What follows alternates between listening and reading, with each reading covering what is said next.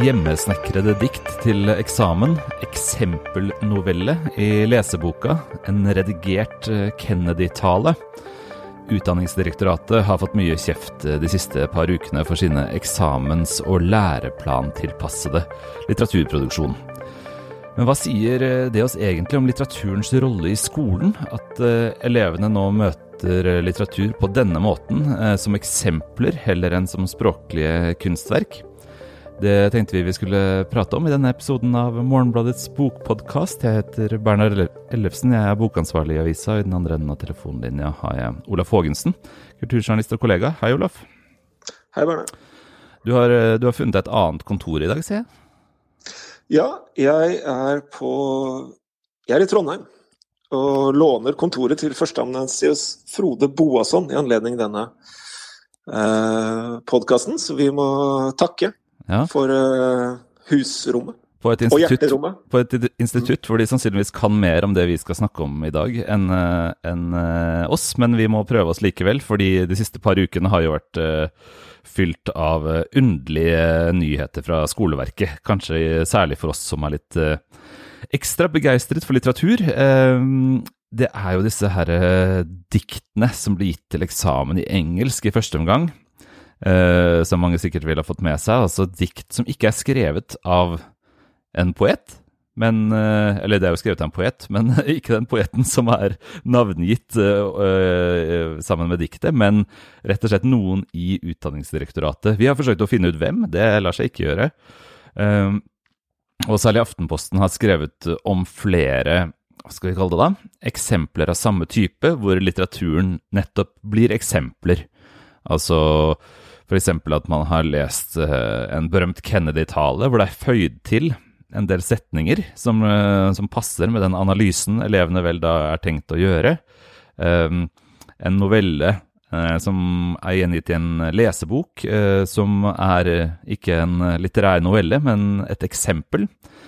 Um, Først, Olaf, hva tenker du generelt om dette her? Altså, det, jeg må innrømme at det er nytt for meg at man, man gir tekster av denne typen eh, til f.eks. eksamen, eller bruker det i undervisning? Hva tenker du? Nei, det er nytt for meg. Jeg har aldri hørt om det eller opplevd det. Og det aller første det er å slå meg som litt slå meg som rart. Merkelig. Hvorfor i all verden skal man uh, lage et dikt av en uh, fiktiv uh, poet? Er det masse dikt av høyst reelle poeter der ute man kunne anvendt. Nå har jeg skjønt da ut fra disse sakene at uh, en bekymring er at man skal klare å finne uh, analyser på internett. da, uh, At man skal jukse, da, rett og slett. Mm. men det høres litt merkelig ut allikevel. Det er jo veldig veldig mange dikt, særlig på engelsk. ute ja, og der har det også vært forvirring. For meg er fortsatt begrunnelsen for å gi et dikt av denne typen uklar. Altså om det skulle på en måte gi en lettere Man kunne se for seg at det ga en lettere målbar uh, analyse, på en måte. At man, hvis man har et spesialtilpassa dikt som man tenker at skal gi en spesiell type eksamensbesvarelse, kanskje det er lettere å sette uh, altså karakterer og vurdere. Um, det var jo dette du sier med at du kunne finne uh, ferdige analyser på nett. Men så er det jo også noe med at uh, denne eksamen først skulle ha nettilgang, og så ikke likevel. Så da faller jo den begrunnelsen litt bort.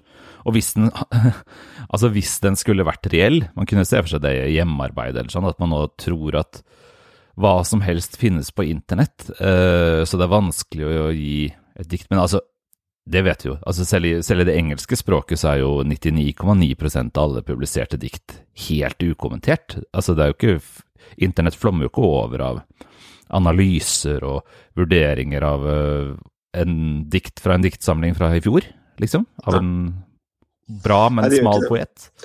Nei. Nei, man mistenker vel da eller, Jo, man mistenker vel da at uh, man har prøvd å konstruere et uh, dikt som skal måtte oppfylle de uh, Eller det skal, være, ja, det skal være veldig lett å måle om elevene har tilegnet seg liksom disse teknikkene for avkoding og analyse, da, som man håper at uh, man skal uh, få i engelskfaget. da, At det skal være hva vet jeg, liksom. Uh, her har vi tydelige motsetninger, her har vi et mm. bokstavrim, liksom. Hva slags uh, utsigelsesposisjon er det, osv. Ja, for meg også. Det må jeg jo bare altså, Ikke at det spiller noen rolle, men det ene diktet som har sirkulert i avisene, som med, fare for at jeg nå husker feil, heter det The Other, da? Handler om et møte med en person som er annerledes enn dikter jeg er. Ja. Eh, det er jo like litterært som en handlelapp, altså. Det er jo, har jo ingen, ingen åpenhet, ingen Altså, det er jo Det er jo på en måte Det som diktet betyr, det står der rett ut. Det er, det er, ikke noe å lure på der. For meg er det helt Altså, som leser dikt, så er det helt sånn fremmedgjørende dikt. Fordi det ikke føles som et uh, dikt.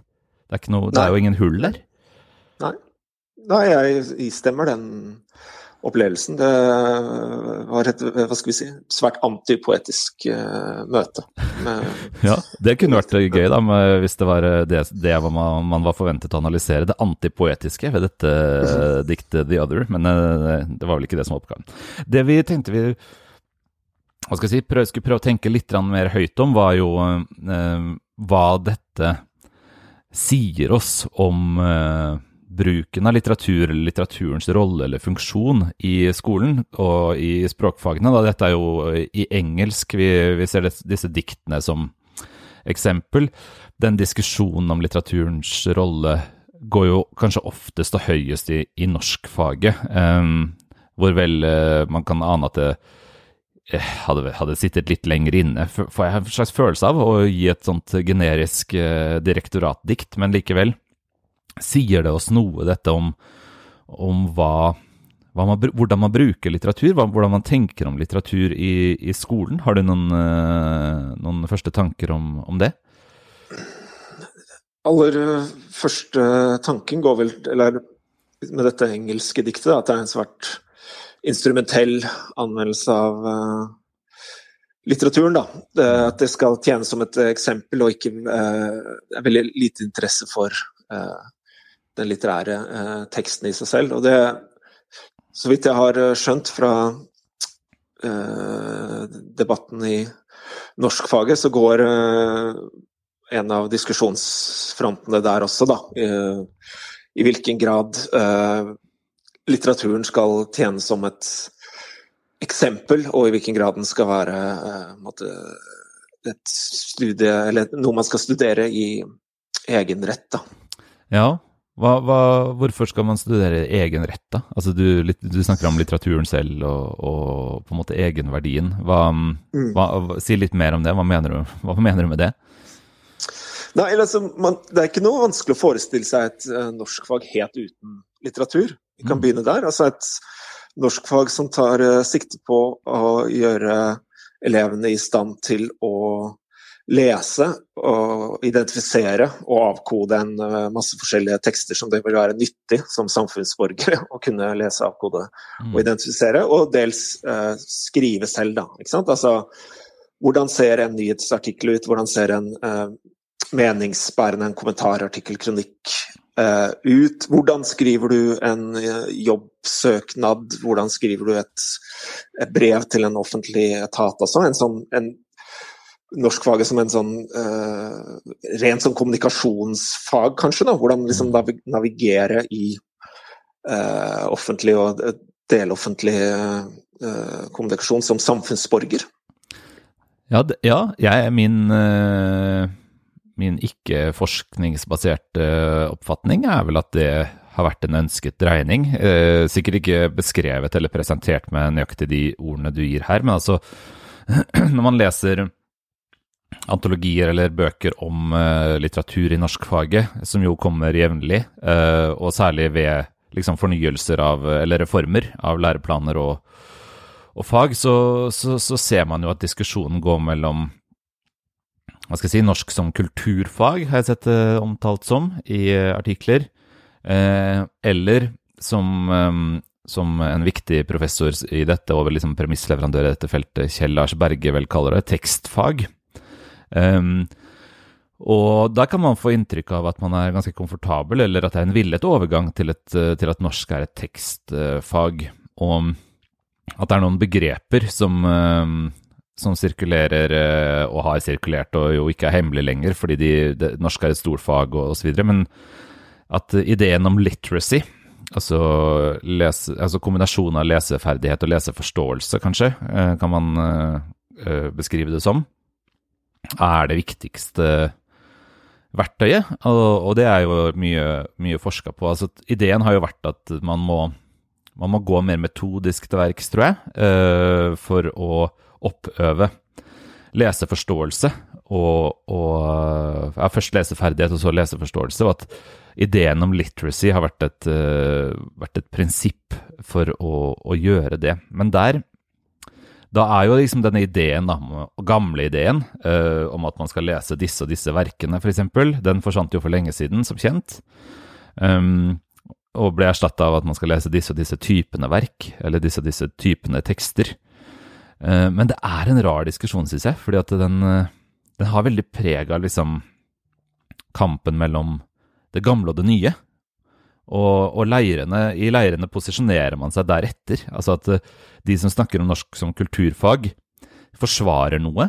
Enten kanskje en litt, altså litteraturens betydning, sånn som du, du hinter til, egenverdi og, og, det litterære i seg selv, eller det nasjonale, selvfølgelig. Altså at norskfaget skal uh, gi felles kulturelle referanserammer gjennom å, gjennom å undervise i en kanon mot liksom de progressive. Uh, de som tenker at norskfaget er et moderne fag. Det skal brukes til å, å ja, uh, bli klar for, for yrkesliv og, og samfunnsdeltagelse. Um, men spørsmålet er vel kanskje om disse leirene er litt sånn uproduktive? At uh, diskusjonen om litteraturens rolle ikke nødvendigvis må handle om å forsvare noe på den ene siden, og gjøre elevene klar for verden på den andre? Nei, jeg, det er mulig dette her eh, skyldes at man da liksom har flaska opp på Litteraturvitenskapelige instituttet liksom på begynnelsen av 00-tallet, da. Men for, i mitt hode da, så ligger det en uh, voldsom egentlig nytteverdi, vil jeg si, i å klare å forholde seg til en uh, litterær tekst da, uh, som er kan være så ha, ha, mange betydninger. Den kan være motsigelsesfull, det kan være uklart egentlig hva den sier. da, altså den Å kunne liksom uh, forholde seg til den usikkerheten, og både forstå hva det dreier seg om, hva en tekst gjør der, Eh, det er en, for meg så slår det som, som en veldig viktig eh, verdi å ha med seg i, i uh, samfunnet i dag. Da, som, som nytt, nyttig, da, rett og slett. Mm. Hva med, for å fortsette på din linje her, da. Jeg har en litt, litt annen inngang, selv om jeg nok deler din også. Men um, for å fortsette på det litterære, hva med, hva med, det man på en måte lærer som altså, menneske? altså man lærer jo, Hvis man leser litterære tekster, så kan man jo enten sette seg inn i et annet menneskes situasjon, eller man kan uh, få innsikt i uh, samfunnsproblemer, på en måte. Eller man kan uh, lære om historiske ting, eller man kan Altså, det er jo litteraturens innholdsnivå, hvis vi ikke skal bryte det litt opp, da. Den møter man jo også som leser i, i skolen. Hva, er det med i nytteverdien? I mitt, i mitt hode absolutt, da. Altså, bare noe så enkelt som å sette seg ned og lese en litterær, historisk tekst som foregår i en annen tid, der samfunnsnormene er uh, annerledes, og på en måte kunne uh, forstå det. Og uh, hva skal vi si liksom anerkjenne det, da, på et eller annet vis. Ha, ha en sånn type kunnskap om at verden sånn som den ser ut nå, er ikke gitt, da, på noen mm. måte. Verden forandrer seg, den kan være annerledes, på godt og vondt. da. Altså at det ligger en veldig stor uh, verdi i det, da, som jeg uh, For meg liksom helt sånn åpenbar, da, at bør, uh, bør følge uh, norskfaget. da. Hvis du tenker på språkfag i skolen, da, hvor, altså, enkelt sagt, hvor stor plass i ditt bilde av dem har litteraturen, hvis du tenker på norsk og engelsk, da? Eh, la oss anta at eh, veien til bare å beherske språket i, i grunnskole og videregående er litt lenger for, eh, for uh, tysk og fransk og spansk osv., men disse to språkene som, som, nest, som, sniker seg inn i elevene mer eller mindre på egen hånd, og, og man, språkfagene dermed blir, blir er litt mer for viderekomne, hadde jeg nær sagt. Um, hva, hva, hva, tenker du om eh, litteratur og norskfaget? Er det liksom i midten? Er det en liten del? Er det um, Det samme i engelsk, da. Er, er, det, er det, litteraturfag, eller er det Ja, jeg syns jo at norsk er et, og for så vidt engelsk også, er I mitt hode er de litteraturfag. Eller de, de var i stor grad litteraturfag da vi gikk på skolen. Mm. Sånn jeg husker det, så var Uh, altså både litteraturhistorie og det å lese uh, fullstendige enkeltverk. Da. Vi leser ikke så veldig mange av det, men jeg husker vi satt og jobba oss gjennom hele Per Gynt da, på videregående. Uh, både da sant, Vi så på poesien i verslinjene, men brukte masse tid på det, liksom, den kulturhistoriske konteksten for det også. For meg så var det, eller da jeg gikk på skolen, så var det helt sentralt. Uh, og jeg altså, Språket er jo en historisk Det norske språket er jo også en historisk entitet som uh, mm. er informert av uh, måten det er blitt brukt på. Da er jo litteraturen en veldig viktig måte språket er blitt brukt på historisk. Jeg tenker at dette er jo en, en, en måte å tenke på dette norsk som kulturfag Eh, på, eh, som, eh, som, ofte blusser opp, og som, som, kommer fra oss, på en måte, som har, har hjerte for litteraturen. Den siste større liksom, trefningen jeg kan huske mm, omkring dette utenfor, utenfor skoleverket selv, var vel for noen år siden da NRKs Knut Hoem hadde tatt en kikk på et av sine barns uh, norske bøker, vel, og, og re reagert uh, veldig på hvordan litteratur var blitt uh, i hans øyne marginalisert. Jeg tror Inger Merete Hobbelstad også var aktiv i samme diskusjon. Hun har i hvert fall skrevet mye om samme tema, om det var akkurat samme diskusjon. Skal jeg være litt forsiktig med å ta fra hukommelsen. Men da, men da blir jo dette ofte liksom kulturelle argumenter eh, mot det man oppfatter som en sånn instrumentalisering eller, eller marginalisering av litteraturen.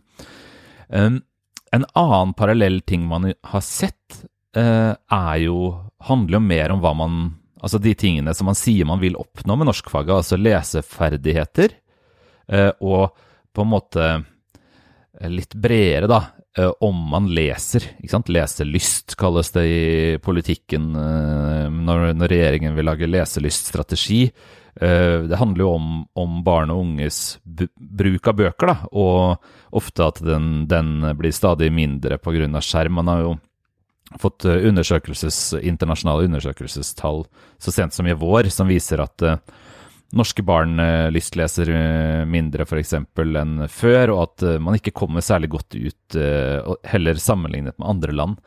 Det lurer jeg på om ikke også kan, kan ta oss inn til en litt annen, hva skal jeg si, et litt annet perspektiv på, på um, litteratur versus literacy, hvis vi kan sette opp det som en banal motsetning mellom perspektivene.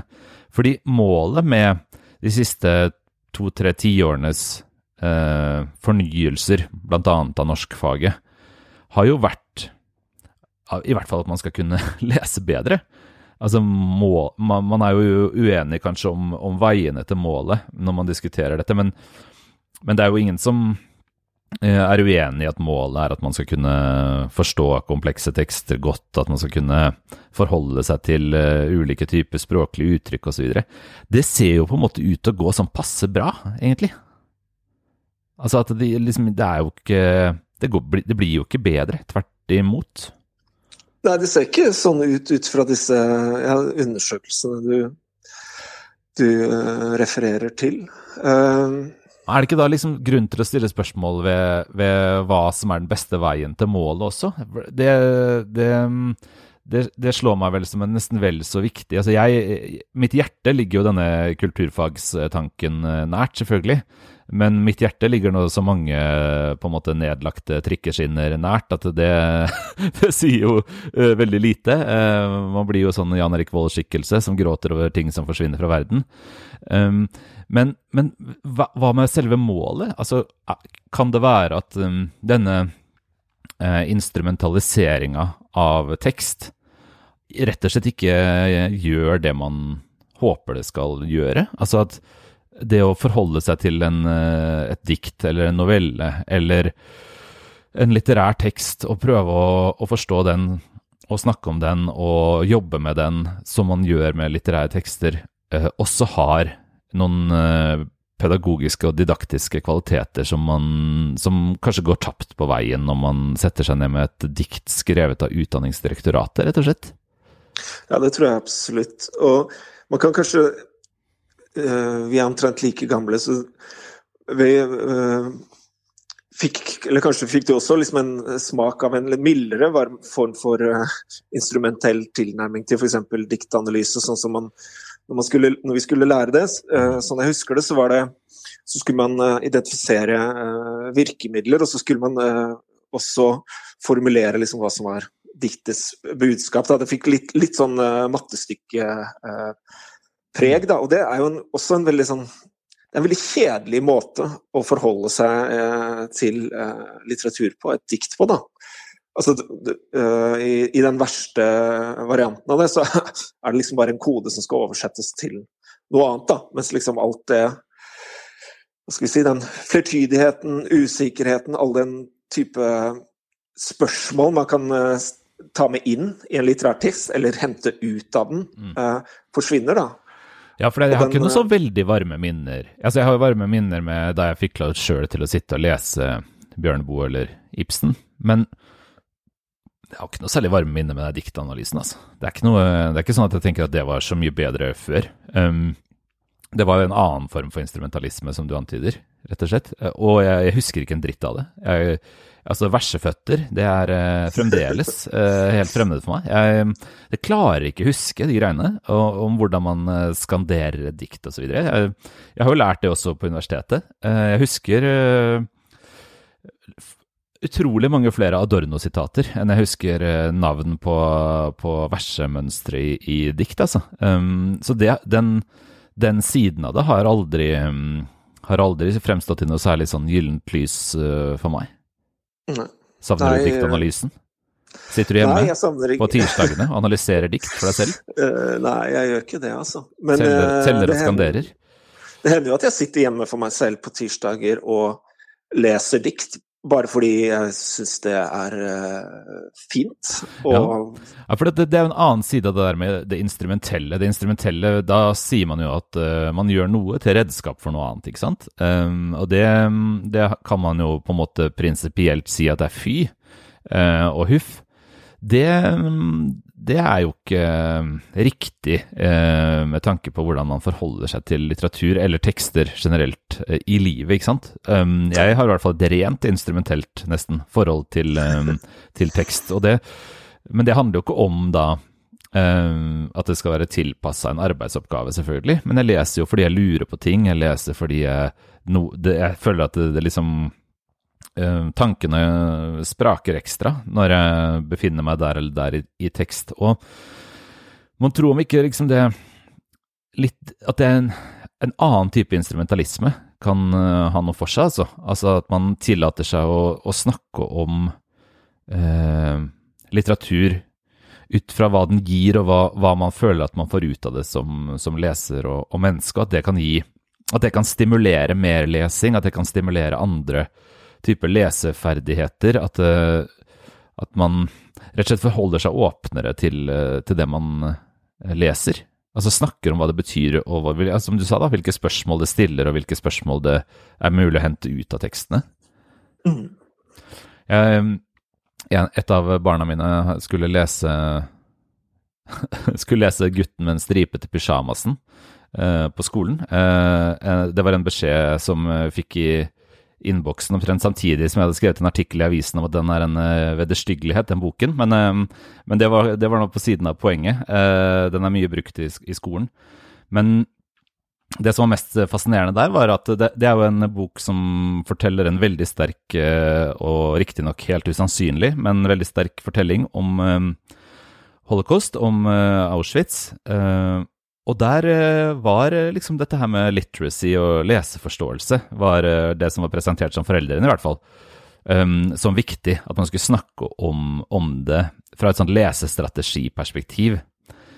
Det kan jo ha artet seg annerledes i klasserommet, så det skal man ta noen sterke forbehold om. Men som inngang til en bok som er tematisk sett så overveldende, ikke sant? Det er jo en, en bok som sannsynligvis uh, har fått mange til å, å, gråte over selve fortellingen. Hva, hva man, altså det ville vært nesten mer naturlig å diskutere holocaust, tenker jeg, i, ja. i lys av den romanen, enn lesestrategier. Jeg skulle tro at man som uh, lærer, når man liksom prøvde å bruke den boka primært for å uh, i en sånn ja, leseopplæringsøyemed, at det den fortalte, ville vekket en del eh, spørsmål i elevene som eh, Hva skal vi si eh, tar, eh, tar, fokus vekk fra eh, det rent mer sånn lesetekniske, da. Ja. Det gjorde du også sannsynligvis i klasserommet, da. Det skal jeg jo ile til å, å understreke. Jeg, jeg, jeg, har fått eh, fem setninger på e-post eh, om, om, arbeidet, ikke, ikke, den fulle opplevelsen av, av, klasseromsdiskusjonen. Denne var sikkert langt mer tematisk enn en det jeg fikk. Men, men det, det, fikk meg likevel til å, til å, tenke på inngangen. Altså at, at uh, ofte når vi leser, enten vi leser en uh, journalistisk tekst eller en, uh, en, tekst som forteller noe om verden, eller selvfølgelig et litterært verk som, som til og med formidler følelse og, og erfaring, så vil jo på en måte følelse og erfaring overstyre så mye av det tekniske, rett og slett. Og, og det er jo også grunnen Altså hvis man vil f.eks. at en elev skal lese mer, um, så, så, er vel det kanskje en mer naturlig inngang enn en disse leseferdighets- og leseforståelses- uh, og strategispørsmålene. Det vil jeg uh, tippe. altså det er jo lett at man blir litt sånn eh, personlig her, da, men liksom, eh, en av de sånn store opplevelsene mine var da jeg, jeg begynte å egentlig interessere meg for litteratur ganske uh, seint. Men når jeg først uh, begynte, da uh, hvor, Når det da gikk opp for en hva, hva som sto i alle disse bøkene eh, som man kunne finne på biblioteket, da hva, hva de beskjeftiga seg med, som jo da ofte f.eks. var uh, Når man er uh, tenåring, da, liksom alt som er litt sånn spennende og forbudt, f.eks. For mm. Hvis det er et sted du liksom vil møte på, møte på det forbudte, er jo på et gjennomsnittlig norsk folkebibliotek, da. ja ja, det er jo, hvis man gidder å åpne bøkene, langt mer overskridende enn internett. Ja, altså, men det, Poenget mitt var bare den, liksom, når, når mm. den forståelsen for hva man kunne finne i disse bøkene først var vekket, da, mm. så var det en helt uendelig eh, verden der man kunne oppsøke selv. Eh, og jeg husker også at mye av det jeg syntes var spennende å lese på den tida, var jo ting som bare var fra en helt annen eh, virkelighet enn den eh, litt sånn eh, norske forstadstilværelsen jeg vokste opp i, da. Mm. Um, Altså, til sist, før vi runder av, så, så vil jeg bare vende tilbake til dette med leselyst. Fordi jeg har jobba i hvert fall med mm, litteraturformidling til barn og unge i skolen, men gjennom Den kulturelle skolesekken, og ikke som lærer. Ehm, da får man jo en liten smak av hva denne ideen om eh, leselyst er, når, den liksom Som virksom kraft ute i skolen og ute blant barn og unge. Man kan få følelsen av at av at fra et mer sånn norskfags- eh, eller språkfagsperspektiv, så er, er, det en slags sånn gunstig bieffekt i beste fall. Altså at um, skolens oppgave er først og fremst å, å lære bort ferdigheten og forståelsen og strategiene.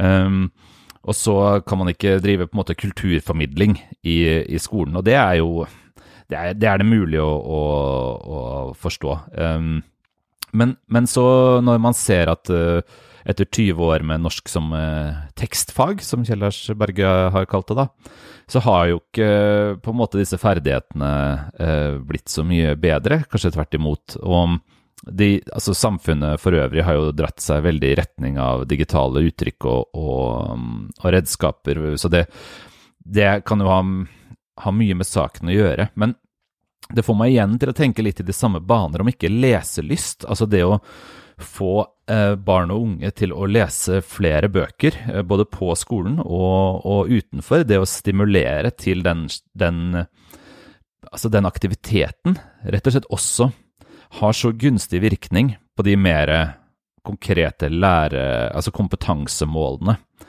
at man burde fokusert mer på det. Altså at man i stedet for å, å bruke eh, skoletimene til å lære bort lesestrategier, hadde, hadde fokusert hvert fall litt mer på å stimulere lysten til å oppsøke litteratur, så hadde det er, altså, det er, litt lengre vei til mål, noe man uh, sliter veldig med når man skal prøve å diskutere uh, litteraturformidling generelt, og kanskje i skolen spesielt. Men, men at uh, på sikt så ville det å, det å, bruke også skoledagen og skoletimene til å stimulere til et enda mer aktivt forhold til litteratur, og så gi de hva skal jeg si, gevinstene og, og effektene man vil ha nå, jeg har tro på, hvis vi kan holde oss til litt sånn sportsmetafor, jeg har tro på mengdetrening.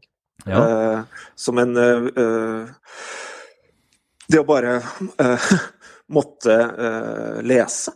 Mm. at det er Nå er det 20 minutter, nå skal dere sitte og lese i boka deres. Jeg måtte selv, husker jeg, det, det der å Jeg måtte trene meg opp til å lese en hel bok. Det var ikke noe som kom av seg selv. Det kunne virke i begynnelsen liksom uoverkommelig. 200 sider, 300 sider. Altså, mm. skal, jeg holde på med dette i uh, neste halvåret, liksom? Altså den uh, Men når man da får inn litt mengdetrening, da, så blir det utrolig mye lettere. Og det blir en, en annen naturlighet eh, ved det. Og det stimulerer noe i en selv, da. Det er i hvert fall min personlige erfaring. Den, eh, den, delen av norsk som kulturfagstanke som det er vanskeligst å identifisere seg med, kanskje, for et uh, relativt moderne menneske i hvert fall, er jo denne her nasjonale identitetsgreia. Men den er jo sterk i våre naboland, f.eks., hvor ideen om en nasjonal kanon jo er høyst etablert i Danmark. Den, det ble jo gjort for 20 år siden, at man satte opp en, en litterær nasjonal kanon fra statlig hold som som liksom skulle gi rammer som alle skulle kjenne til, for å styrke den nasjonale selvfølelsen, nærmest. I Sverige er man jo faktisk i gang med det samme. Eh, den nye svenske regjeringen lovte jo det fra starten av. Eh, og eh, jeg har lest rapporter fra den svenske kulturministeren som sier at arbeidet er godt i gang, det er seminarer og alt man nå driver med for å komme fram til en sånn liste det, jeg har alltid tenkt at det er så hårreisende anakronistisk at det nesten ikke er verdt å snakke om. Men når Sverige og Danmark gjør det, så, så, så er det jo liksom ikke utenkelig at vi skulle gjort det. Har du noen, har du noen tanker om at det er noen spesifikke verk eh, elevene burde ha lest? Må alle ha lest et dukkehjem for å være gagns nordmann? Nei, vet du hva, det tror jeg at jeg svarer eh, nei på. Jeg, min sånn umiddelbare tanke her at uh, her må man uh, snakke med feltarbeiderne, snakke med lærerne. Og jeg tenker at det er en hva, hva, som liksom er mulig i deres praktiske hverdag, bør veie tungt. da. Om de da leser 'Dukkehjem' eller om de leser 'Tante Ulrikkes vei', tenker jeg er faktisk litt mindre viktig, da, men at de leser mm. hele verk. Ja, jeg tror hele diskusjonen blir giftig av denne eh, nasjonale dimensjonen. Altså at kanoen beholdes eh, så langt unna som mulig. Altså som du sier, at eh, det må, det må være lærerens frihet å legge opp, legge opp hva som skal leses. Man, man, man, kunne, man har jo hatt ideer om, om, hvilke typer tekster man skal lese, og det kan vel være lurt, men, men at det skal ramses opp titler, eller, eller man skal liksom Ja, kanon, da, i verste fall. Det, og det, også, det, forgifter jo diskusjonen også, fordi det blir jo veldig vanskelig å hva skal jeg si, snakke litteraturens sak hvis man må gjøre det med flagg på brystet, rett og slett. Eh, det er i hvert fall ukomfortabelt for min del. Ja. Um, dette kan man lese mer om i denne ukens utgave av Morgenbladet uh, og på morgenbladet.no, hvor vi har snakket med folk som kan mer enn oss om, om litteraturens plass i skolen. Vi, I forrige uke forsøkte vi å få tak i Utdanningsdirektoratets poet. Det mislyktes, men jakten var interessant i seg selv. Den saken finnes også på morgenbladet.no. Der kan man også abonnere på avisa. Og så er dette sesongens siste episode av Morgenbladets bokpodkast. Vi tar snart sommerferie og må spurte litt for å gjøre det vi skal før sommerferien er et, er et faktum. Du, du, er med igjen du i august i noen uker, Olaf, til Ane etter hvert kommer tilbake litt, litt senere. Så vi ja. snakkes ikke igjen neste uke, men vi snakkes i august. Takk for praten. Det gjør vi. Selv takk.